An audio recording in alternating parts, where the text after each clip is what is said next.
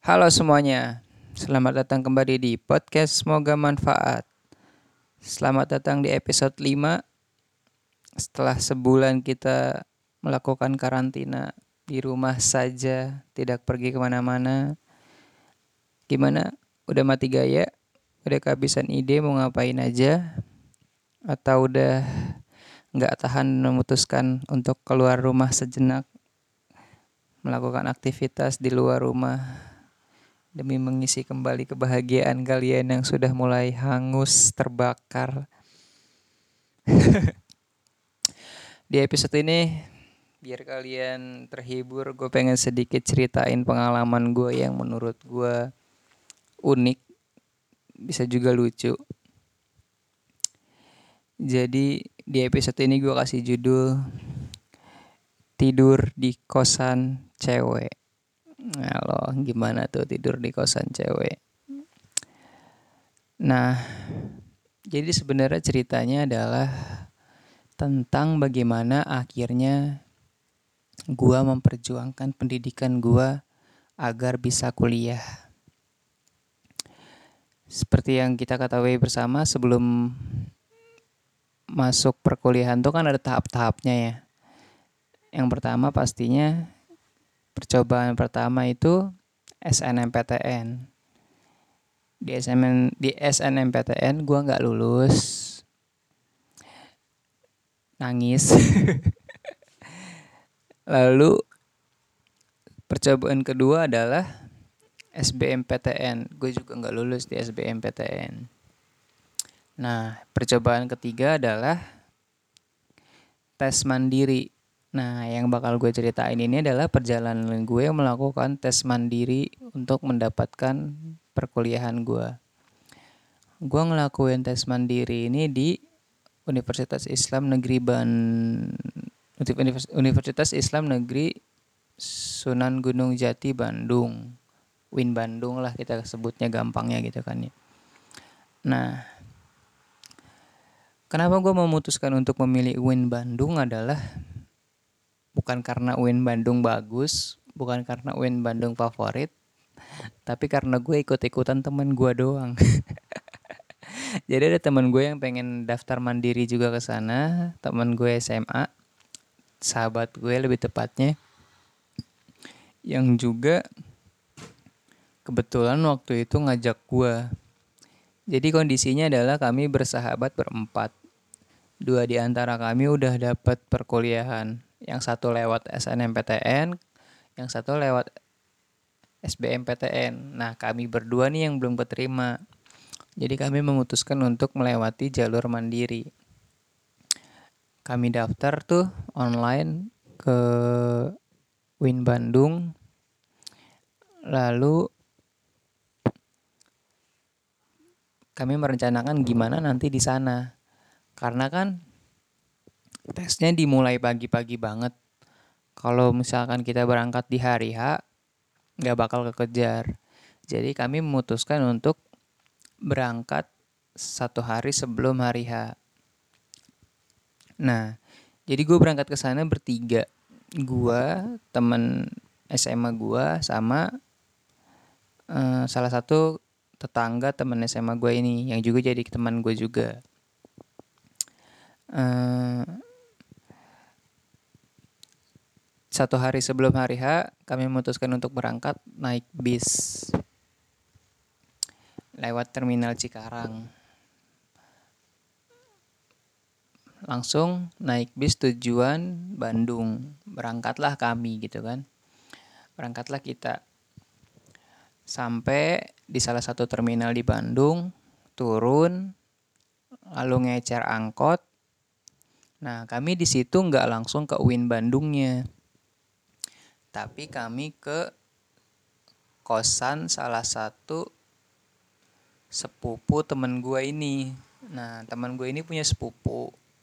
Sepupunya udah kuliah di Bandung. Yang mana sepupunya ini kebetulan juga kakak kelas gue di SMA gitu kan. Jadi kami udah saling kenal semua. Nah sampailah kami di kosan sepupunya ini.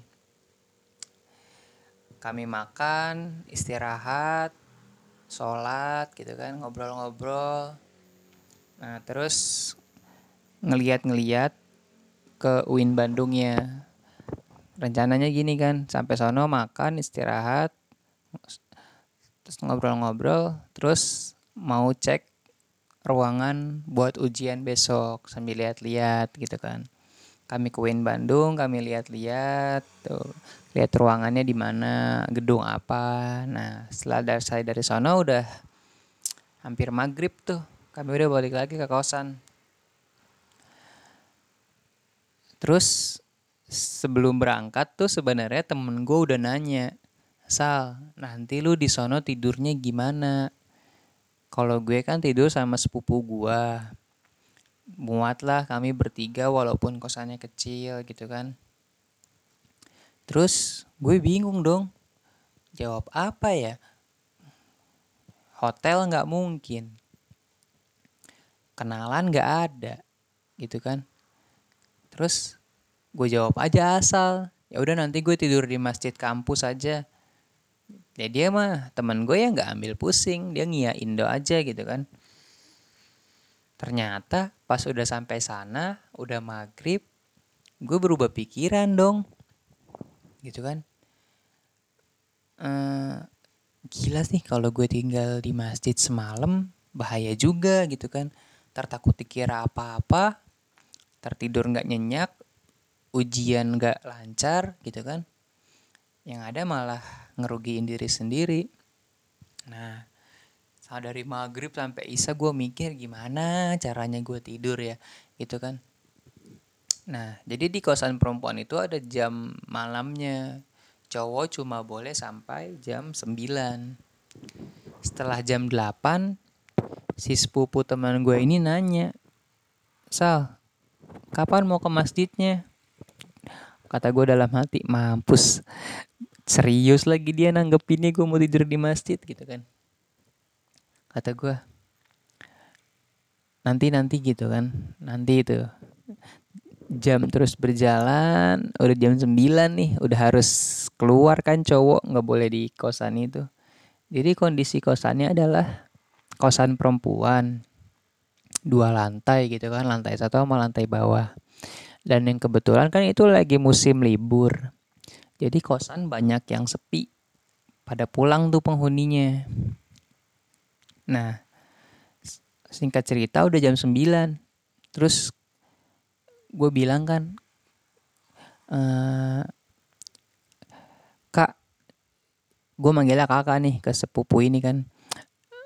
Itu kosan yang depan kosong kan?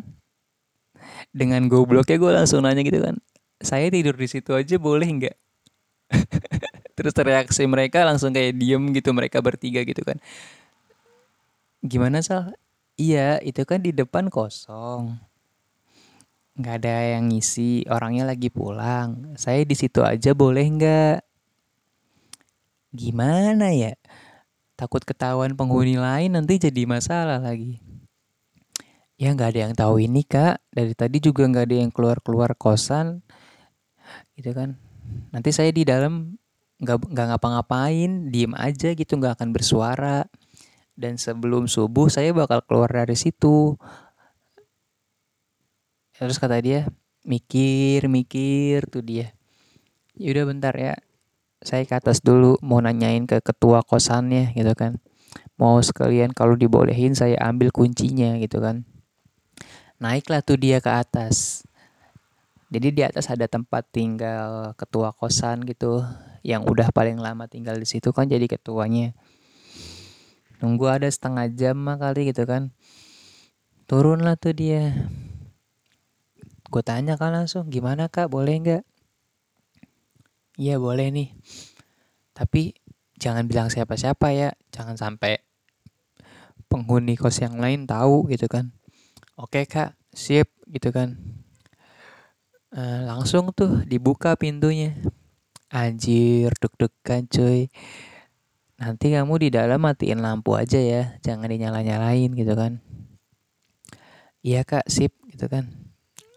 Nah, gua masuk, gua kunci, gua matiin lampu. jadi tuh kamarnya tuh kecil nggak gede-gede banget gitu kan ya paling tiga kali tiga meter gitu kan nah awalnya tuh kayak biasa aja tuh pas baru masuk duduk gitu kan. Ada kayak ada kasur single gitu satu kasur buat satu orang. Awalnya langsung tiduran aja mau langsung tidur. Udah langsung tidur biar besok nggak kesiangan gitu kan. Nyobain tidur gue udah satu jam gak bisa bisa cuy. Udah merem padahal suasana udah gelap tenang gitu kan ya. Udah coba di merem meremin nggak bisa tidur cuy. Yang ada di pikiran gue tuh apa ini kalau tiba-tiba yang punya kamar pulang mampus nih gue gitu kan. Pokoknya pikiran gue ke mana-mana deh yang enggak-enggak. Atau kalau tiba-tiba ada perempuan atau penghuni kos lain yang gedor-gedor karena dikira penghuninya ada gimana nih gitu kan. Anjir kalau ketahuan bisa digebukin masa nih gue. Nah terus karena nggak bisa tidur lihat-lihat lah gue tuh kamar. Ada foto-foto gitu kan. Liatin foto-foto orangnya. Oh yang ini orangnya gitu kan. Lihat lihat. Anjir mimpi apa gue kemarin gitu kan bisa tidur di kosan cewek. Karena udah nggak tahu mau ngapain lagi gitu kan. Cobain tidur lagi cobain tidur lagi. Bisa tuh tidur sebentar tapi kayak jam 12 kebangun lagi gue takut hawanya takut tidur juga nggak tenang. Tidur lagi jam 12 kebangun lagi jam 3 kayak ini kalau ada yang gedor gimana gitu kan. Nah terus eh, tidur lagi jam 3 bangun lagi subuh. Langsung deh tuh gue keluar. Langsung keluar pindah ke kamar sepupu. Teman gue itu ngumpet di dalam jangan keluar-keluar sampai pagi. Pokoknya sampai sekiranya itu normal buat seorang cowok ada di situ. Nah baru udah pas pagi banget gitu udah setengah tujuh baru deh gue mandi. Mandi siap-siap berangkat ujian. Itu gila sih cuy. Salah satu pengalaman gue buat menempuh pendidikan. Biar bisa kuliah harus tidur di kosan cewek. Goblok banget dah. Dan juga apa ya? Eh, sebenarnya gue ditawarin buat tidur di kosan cowok teman sepupu ini cuma agak jauh jalannya PR banget gitu kan. Kan nggak ada nggak ada kendaraan pribadi udah malam. Terus kayak aduh PR banget lagi jalannya ya udah sini aja lah. Nyari-nyari pengalaman juga. Ya ujian tuh akhirnya. Ujian. Selesai siang habis zuhur kami refreshing keliling-keliling Bandung. Habis itu pulang. Pengumuman ujian mandirinya tidak lolos lagi. Ya itu aja kali cerita gue bagaimana gue menempuh perjalanan gue untuk kuliah. Semoga menghibur kalian yang masih dalam masa karantina ini Sampai jumpa di episode selanjutnya. See you. Terima kasih sudah mendengarkan.